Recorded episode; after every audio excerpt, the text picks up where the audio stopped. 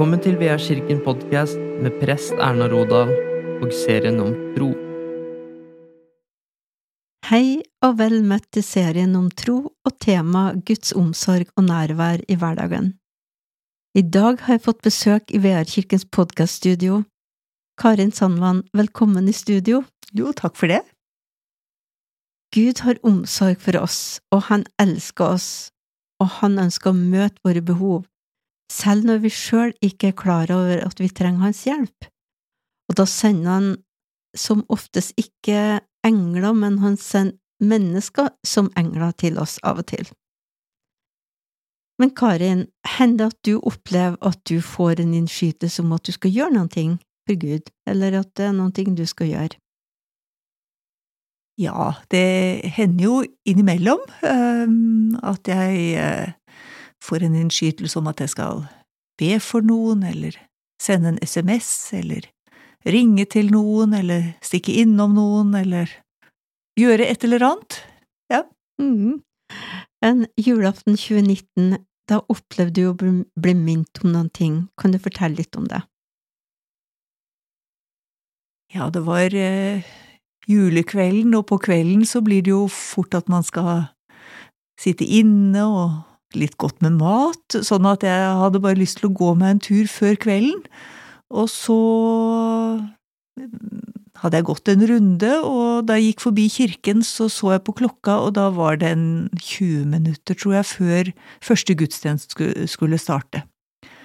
Og da fikk jeg en innskytelse om at jeg skulle gå innom kirken, og da traff jeg deg, Erna. ja, eh, fordi at eh, 20 minutter på første gudstjeneste, så sto jeg der i kirka og var veldig stressa, eller begynte å bli ganske stressa, fordi at um, jeg hadde oppdaga at vi ikke hadde verken klokker eller kirketjener på første gudstjeneste på julaften, og det oppdaga jeg på lille julaften på kvelden, for mannen min og jeg, vi hadde vært ute og handla, og så, så sier jeg bare til han at kanskje vi skal dra innom VR kirka og sjekke at alt er i orden. Og når vi kom dit, så sto jo alt var ryddig og fint, og juletreet var på plass, men det var ikke noe julekrybbe som var satt på plass, og vi skulle ha to, en foran i kirka og ei bak. Så da fikk jeg han til å hjelpe meg, og det var jo veldig fint. Men eh, da skjønte jeg faktisk at vi har ikke fått klokker eller kirketjener, og jeg visste at det hadde vært en sånn eh, at, de har, ja, at det har vært litt problem med å få tak i noen som kunne være der. Og så, og tenkte ikke noe mer over det da, men uh, når jeg kom i kirka og det begynte å nærme seg tida for den første gudstjenesten, så kjente jeg at jeg ble mer og mer stressa, for jeg begynte å tenke på hvordan skulle jeg løse det her, da, med at jeg skulle være både prest, og jeg skulle være eh, kirketjener, og jeg skulle være klokker, og gjøre det og det, hvor hen skulle jeg stå, der og der. Og... For da måtte du egentlig både stå foran ved alteret og stå bak og ringe samtidig? Ja, nemlig, ja. og lese pulten og alt det her. Og jeg kjente på at det stressnivået, det bare steg og steg. Men så plutselig står du der midt i kirkerommet. Og så husker jeg at du spurte, du spurte bare eh, hvordan går det her, og så kikket du litt sånn rundt. Og så husker jeg at jeg sjøl bare sa jo, det går jo egentlig bra, men vi har ikke klokker. ja. Og da var det at du tenkte Eller vet ikke hva du tenkte, men uh... Jeg tenkte vel kanskje at det kunne jeg for så vidt gjøre, men det var jo høyst upassende med, med turklær og vandrestøvler eh, hvis man skulle stå foran i kirken på julaften. Så det, var, det, det passet ikke helt i hop. Men jeg husker du sa det sånn at men kan det hjelpe deg at jeg kan være klokker da? Og så ser du nedover på, på klærne du holdt på deg, og så plutselig så sier du kan jeg ta på meg konfirmantkappa? og så løp du ned og hentet konfirmantkappa, og den tok du over den her uh, turdressen? Ja. Og så fikk jeg låne fine støvler av hun som skulle synge, sånn at eh, da, da hadde jeg pene støvletter under og ikke turstøvler, sånn at da, da ble det jo presentabelt der framifra likevel.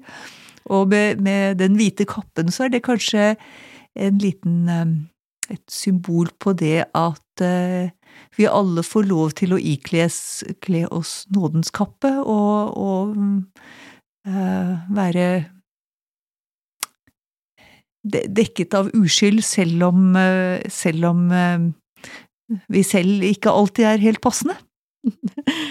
Vet du, Karin, da gudstjenesten starta, og når du sto der foran, du så altså ut som en ordentlig engel, og for min del så var du virkelig en engel, altså, der og da. Du passet så perfekt inn i den julegudstjenesten den dagen at jeg tenkte det nesten skulle vært obligatorisk at klokker skulle hatt på seg konfirmantkappa under julegudstjenesten. For du var så fin, og jeg var så glad og letta. For en annen ting var jo òg det at den kvelden før Jeg hadde jo beredskapsvakt og måtte ut på utrykning med et dødsbud den kvelden. Og jeg har vært ute halve natta, vi var ikke hjemme for klokka var tre på natta, og jeg sov helt sikkert ikke før hun var fem. Jeg har kanskje sovet to timer, men du vet, når det er julaften, du står opp om morgenen, så er det jo får du jo en sånn her ekstra kick, for at nå er det Mm. julaften, da kan du ikke gå og kjenne på at du er trøtt eller sånn. Men jeg tror at det nå kanskje, kanskje var det en som så at det trengte hjelp der og da, og så sendte han deg. For jeg tenkte, eh, altså når du fikk den innskytelsen at du hadde lyst til å gå inn i Vedkirka og be for meg, eller hva det var, så eh, skjønte du hvor viktig det egentlig var, det du gjorde. For meg var dette bare egentlig en, en liten ting, eh, men at det har blitt noe stort ut av det, det er jo Det tenker jeg det er Guds verk. At eh, han kunne bruke en liten ting fra meg til å gjøre noe stort for deg. Ja, for er det ikke kanskje av og til sånn at vi får kanskje en tanke som vi Av og til så kan vi få en innskytelse som vi ikke er helt sikre på om det er Gud som har gitt oss det, eller kanskje tenker vi at det er bare en tanke fra oss. Men um, når du får en sånn tanke, bruker du å handle på det, eller, eller tenker du at oi, nei, det her var nå sikkert bare noe, noe, en tanke du har fått? Jeg kan jo aldri vite om det er en tanke jeg har fått, eller om det er en, en tanke fra Gud. Det, det vil jo sånn sett heller vise seg etterpå, hva, hvilken betydning det har fått. Så eh, en god venninne sa ja, når Gud taler, da lytter jeg, og da måtte jeg gå hjem og tenke etter mm, når var det jeg hørte Gud sist? Eh, og hørte jeg etter da? Så jeg prøver å agere på, på innskytelsene, men nok ikke alle, men, eh, men eh, men, men det er ganske spennende hva som kan skje. eh, I etterkant, hva, hvilken betydning den kan, det kan ha for andre. Ja, når man bare er lydig, eller bare tar sjansen på å gå på den innskytelsen, så kan man få noen eh, veldig fine opplevelser, og oppleve at jo, akkurat den gangen var det viktig at jeg gjorde det, for det var faktisk Gud som har hatt bruk for at jeg var hans forlenga arm, for eksempel, eller vist noen omsorg og kjærlighet. Ja, da blir jo hvordan hvordan det ble for deg, det ble jo en, på en måte en, en bekreftelse på at dette var vel Gud som talte den gangen.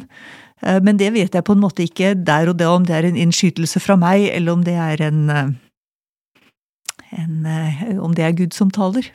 Men det er jo en velsignelse å, å få oppleve at noe kan bli så stort. Altså, jeg husker i hvert fall jeg sjøl opplevde virkelig konkret som at Gud har sendt deg inn i kirka, for det var akkurat det behov, akkurat der og da så hadde jeg virkelig behov for å få noen som kunne være klokker og gjøre de oppgavene du gjorde. Jeg hadde virkelig behov for det, og jeg tenker jeg tror nesten at Gud så enda mer at jeg virkelig hadde behov for det, enda mer enn kanskje jeg trodde sjøl. Men uh, i ettertid så tenker jeg, er det virkelig mulig at Gud er så stor? Og så har han jo sagt at han er med oss alle dager inntil verdens ende. Og når vi er lydige og å si ja til å gå på det kallet han har, eller gjøre noe for Gud, så tenk, så er han faktisk med oss. Han har lovt at han skal være med oss, og det Jeg opplevde i hvert fall sånn at det fikk jeg erfare på julaften 2019, at han var trofast, og at han var med meg der og da i den gudstjenesten, og ga meg den hjelpa, og sendte den hjelpa, og så var det du som var den som kom. Ja, og det var jo det, det, Da ble det stort for meg også. Jeg, jeg tror at Gud er interessert i oss og, og vil oss vel og vil være Gi oss omsorg i livet, eh, men det er kanskje ikke alltid at vi klarer å legge merke til hva han gjør for oss eller i livet vårt. Så det at vi, vi åpner opp det er noe med å få åpne øynene og se det også, sånn at det at du ser de gavene som, som Gud gir til deg, det er en da, Det er jo en veldig berikelse at, uh, at man at man ser det. Ja, det er sant, det. Eh, jeg bruker å si det sånn at Gud sender vanligvis ikke engler, altså sånn ifra himmelen, men han sender mennesker som egentlig òg blir da som utsendte engler, eller som utsendinger fra Gud, så kan vi være det. Vi kan være hans føtter, hans armer, hans, uh, hans omsorg kan vi gi, og vi kan være hans talerør av og til, um, som kan få stor betydning for noen. Og um, jeg har jo faktisk òg opplevd at uh, at en tiltale fra Gud kan gi livet for et annet menneske. Mm. Jeg opplevde en sånn uh, Jeg hadde en sånn opplevelse i 2013, da jeg var sommervikar i Alstahaug, der jeg skulle på jobb på morgenen og åpna skapdøra og skal liksom lete fram det jeg skulle ha på meg den dagen, da jeg tydelig hører en stemme som sier ta på deg presteskjorta, og den dagen så skulle jeg ikke ha verken eh, dåpssamtale eller sorgsamtale, ingenting, så behøvde jeg ha presteskjorta på. Mm. Så jeg begynte å protestere, nei, men jeg behøver ikke det.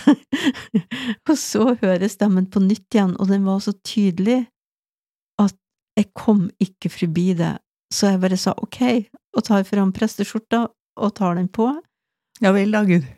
Ok, da. ok, da, Gud.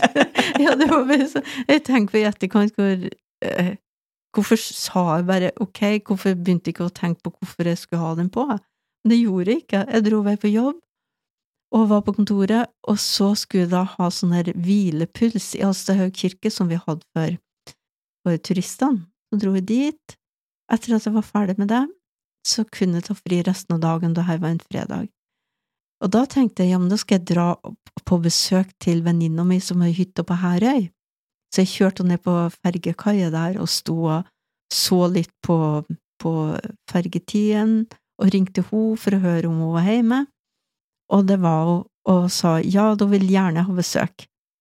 Og så la jeg merke til at det var en mann som begynte å, å se litt, og gikk litt fram og tilbake der, og, og begynte å nikke til meg og så flere ganger på meg. Jeg tenkte det var jo veldig hvor hyggelig, det er hyggelig at den nikka og hilsa, og jeg, da hadde jeg helt glemt at det sto der med presteskjorta, og plutselig så kommer han bort til meg og begynner å snakke. Masse, det, det liksom bare forsa ut og begynner å fortelle en etter det andre. Jeg hadde i begynnelsen problemer med å forstå hva det var han sa, men eh, etter hvert så roa han seg ned, og fikk høre en historie etter den andre så foreslo jeg da at jeg kunne få sitte på med han, og han skulle i samme retning som jeg skulle på Herøy. Mm. Eh, vi satt og snakka om bord i båten på kafeen der, om, eh, og han fortalte mange ting som han hadde behov for å dele med meg, da. Og så spurte jeg etter en stund om, eh, om, vi kunne, om vi kunne få be for han. Da gikk vi inn i bilen hans, og der fikk jeg be for han, og han, han ba med han, og jeg ba for han, og han opplevde det så fint og var så takknemlig og glad. Jeg fikk eh, mobilnummeret hans, og han fikk mitt, og så sa jeg at eh, når jeg blir minnet om det, så skal jeg så kanskje jeg sender deg et bibelvers, og han kunne ringe hvis det var noen ting. Han ringte en par ganger, og den siste gangen han ringte, da kunne han fortelle meg det. Den dagen jeg møtte ham på fergeleiet, så hadde han bestemt seg for at han skulle ta livet sitt. Mm. Ting var så vanskelig, han så ikke noe lysning, alt var så mørkt, og alt var bare helt håpløst. Så han så ikke noe annet råd, eller han tenkte at det var, det beste var bare at han tok livet sitt. Men plutselig så så han jo en prest som sto like foran han, og da tenkte han, kanskje jeg kan prate med henne, kanskje det kan hjelpe, Mm. og så kommer han bort til meg og begynner å snakke. Han sier det, det redda livet mitt, han. Og da tenkte jeg etterpå, tenk altså, at så viktig det var den gangen at det var lydhør for Guds stemme, men det var rett og slett bare Guds nåde at det virkelig var det, og det var det at den stemmen var så tydelig at jeg kunne ikke jeg, jeg opplevde sånn at jeg kunne ikke ha gått en meter uten den presteskjorta. Så jeg tror at av og til at Gud, at vi kan oppleve det litt ulikt. Noen ganger så hører vi bare en, kanskje en mild stemme. Andre ganger så kan vi høre den enda tydeligere, kanskje er det fordi at det er enda mer alvorlig. I hvert fall den gangen så eh, var det at det var lydhør for Guds stemme, så redda det livet hans, da, sånn som han sa det. Det er et fantastisk eksempel på, på hvordan Gud er til stede selv i vårt dypeste sorg. Og av og til så sender han også noen engler eh, langs veien som lyser opp. Og der var jo du en av dem for han, og, jeg har selv også opplevd andre som har vært engler som har lyst langs veien når det, når det har vært mørkt for meg. Um, og det, det er eh, Det er god trøst. Ja, Og viser, viser vei og, og um, viser retning ja. og trøst. Ja. Og jeg tenker at, da, at Gud er så nær oss og ser oss, og ser våre behov. Så tenker jeg egentlig på Jeg tenker på dem som, som tenker at det, det her med tro, at det er bare overtro, at det ikke er At det er bare vitenskapen som er sannhet, men at eh, troen på Gud, at det er bare noe vi innbiller oss. Men jeg tenker på den gangen, for eksempel, hvem var det da som sa til meg at jeg skulle ta på meg presteskjorta, hvis det ikke var Gud? Jeg kjente jo ikke mannen, jeg hadde jo ikke anelse om at jeg skulle møte han den dagen, men det ble jo så avgjørende viktig. Gud, han er der, han er der for oss. Han elsker oss mye, mye mer og mye høyere enn vi kan fatte og begripe. Og jeg tenker at den dagen så skulle han bli redda, og da Mhm. var Gud der, i sitt nærvær. Så tenker jeg også da på julaften 2019, selv om ikke jeg tenkte at jeg skulle be om hjelp, så sendte likevel Gud med hjelp, og da var det du, Karin, som var der. Mm. Da kom med den hjelpen. Men vi er jo heldige som har fått erfare at Guds omsorg det er ikke bare en, en teori, men at det er eh, Vi har fått erfart det i praksis også. Det har du helt rett i. Mm. Det har du virkelig helt rett i. Og jeg tenker at det er sant, vi er veldig heldige som har fått erfart det. Det er jo veldig trosstyrkende å få erfare. Da har vi helt konkret at Gud er der til stede, at han ser oss, og ser våre behov. Så det er hvorvidt vi, hvorvidt vi våger å legge livene våre i hans hender, våger å tro, våger å gi han en sjanse og, og våger å se når han er til stede, og når han, når han svarer. Det er jo ikke nødvendigvis at vi alltid får de svarene som vi vil, og når vi vil, eh, men at um, Jeg har også opplevd at det er, det, det er en det, det, er godt å kunne legge livet i Guds hender. Det er sant, det. Mm. Og tro er jo tillit. Mm. Tillit til at Gud er der, og tillit til at han hører oss, og tillit til at han kan. At han kan hjelpe oss. Det er jo egentlig det å ha den, den tilliten til at han er til stede, og at vi får lov til å være hans barn og legge alt i hans hender, og bare ha den tilliten og den tryggheten det gir. Er det ikke fantastisk? Jo, det er, det er um,